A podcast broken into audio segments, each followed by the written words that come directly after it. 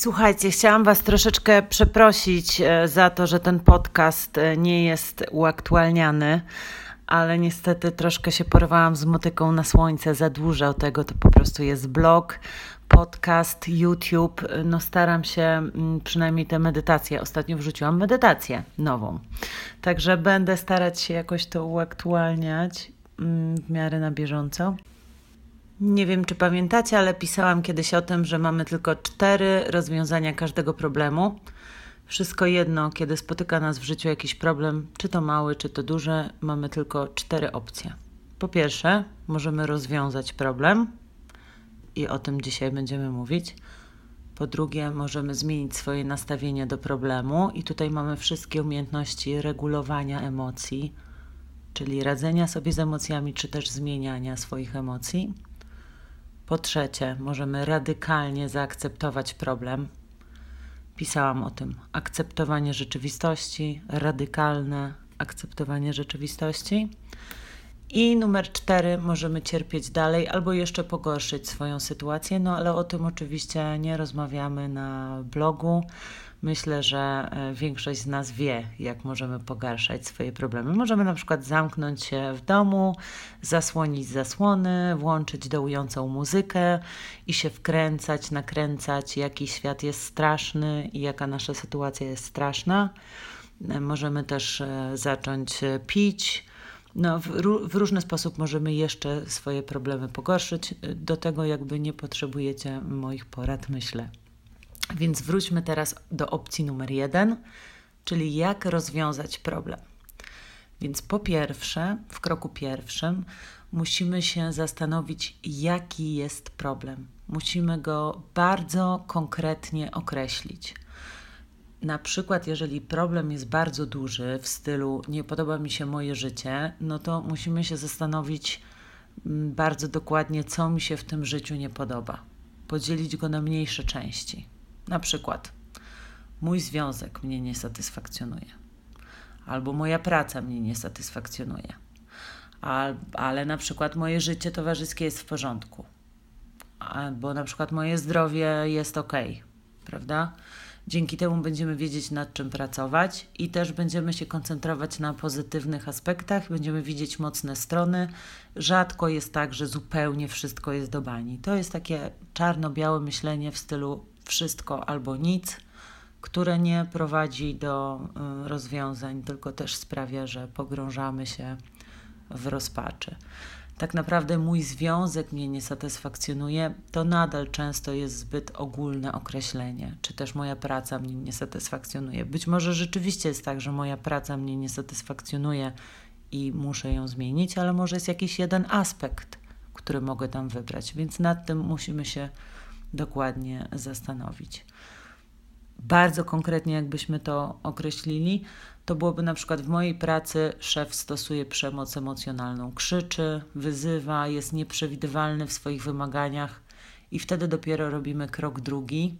Krok drugi to jest burza mózgu, gdzie generujemy różne rozwiązania. I to, co jest najbardziej kluczowe w burzy mózgu, nie możemy cenzurować burzy mózgu.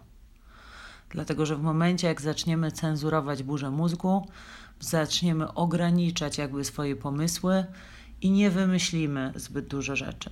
Więc wpisujemy najbardziej szalone i mm, głupie nawet pomysły, tak? Dzięki temu brakowi właśnie cenzury możemy wpaść na coś nowego, coś świeżego, coś oryginalnego. Więc możemy wpisać e, pracę w cyrku, hodowlę owiec w Nowej Zelandii, karierę szafiarki, występ w Mam Talent, cokolwiek nam przyjdzie do głowy. Oczywiście jakieś bardziej racjonalne pomysły też wpisujemy, tak? Jak na przykład rozmowa z szefem o jego zachowaniu, czy zmiana pracy, jak najbardziej też y, mieści się tutaj w generowaniu tych pomysłów w burzy mózgu. Kolejnym krokiem jest krok trzeci, czyli plusy i minusy. Zapisujemy plusy i minusy każdego rozwiązania. I teraz możemy te plusy i minusy zrobić w wersji skróconej, albo wydłużonej wersji.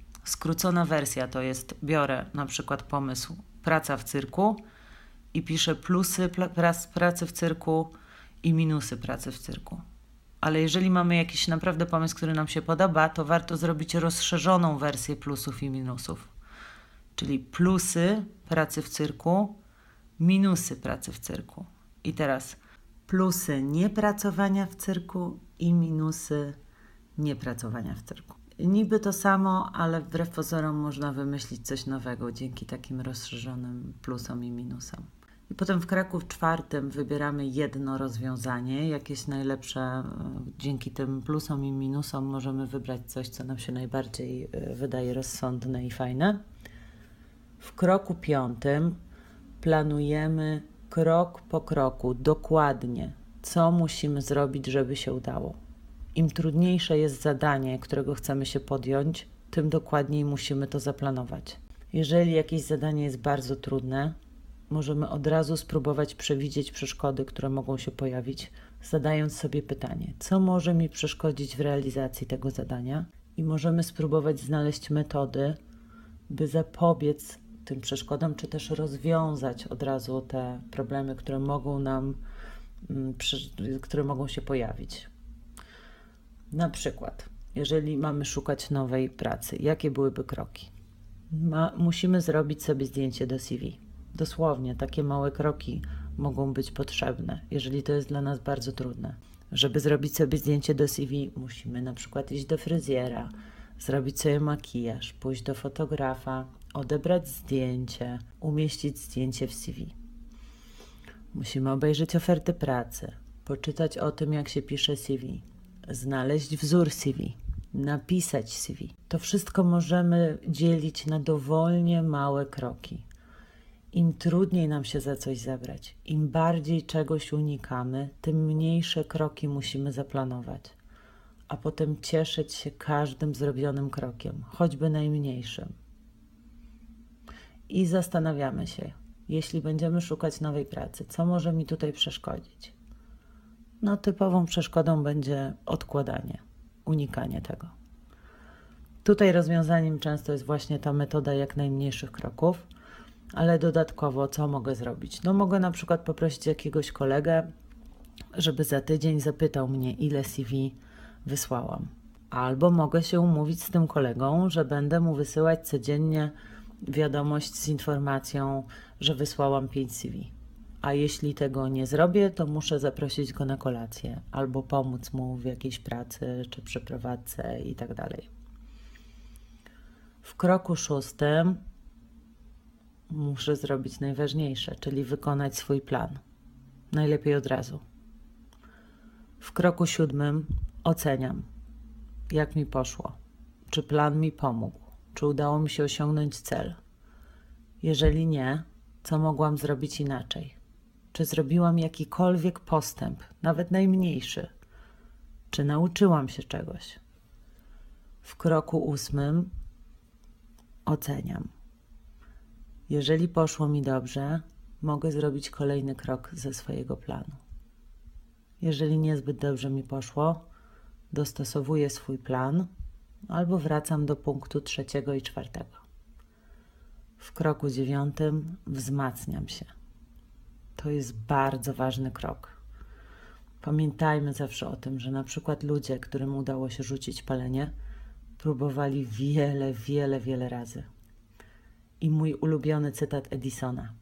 Nie poniosłem porażki, po prostu odkryłem 10 tysięcy błędnych rozwiązań. Nie załamuj się, nie krytykuj się, doceniaj swoje wysiłki. Pochwal się. Możesz się sam poklepać po ramieniu. Naprawdę, naprawdę, sama to robię. Klepię się po ramieniu i mówię: Dobra robota, Vivian. Naprawdę, nieźle ci poszła. Albo mówię sobie w głowie: Wow, naprawdę, tyle dzisiaj zrobiłaś. Można sobie notować w notesie, ile rzeczy udało mi się dzisiaj zrobić. To jest bardzo ważne, szczególnie jeśli pracujemy przy komputerze, na przykład takie wysyłania CV albo pisanie CV, to są takie rzeczy ulotne, tego nie widać. To nie jest tak jak posprzątanie, które widać, prawda? To są takie rzeczy, których nie widać. Więc warto sobie zapisywać i czuć te rzeczy, które zrobiliśmy. I chwalić siebie, chwalić siebie w swoim umyśle. Wow, udało mi się. I nagradzać się, dawać sobie nagrodę. albo wyznaczać sobie nagrodę. I na stronie e, w tym artykule rozwiązywanie problemów. Dokładnie artykuł nazywa się Jak rozwiązać problem, czyli numer jeden z czterech sposobów rozwiązania każdego problemu. Jest też arkusz, gdzie możecie sobie rozpisać rozwiązanie problemu. Dzięki za uwagę. Mam nadzieję, że kolejny odcinek podcastu pojawi się e, szybciej niż teraz. Do usłyszenia. Dzięki.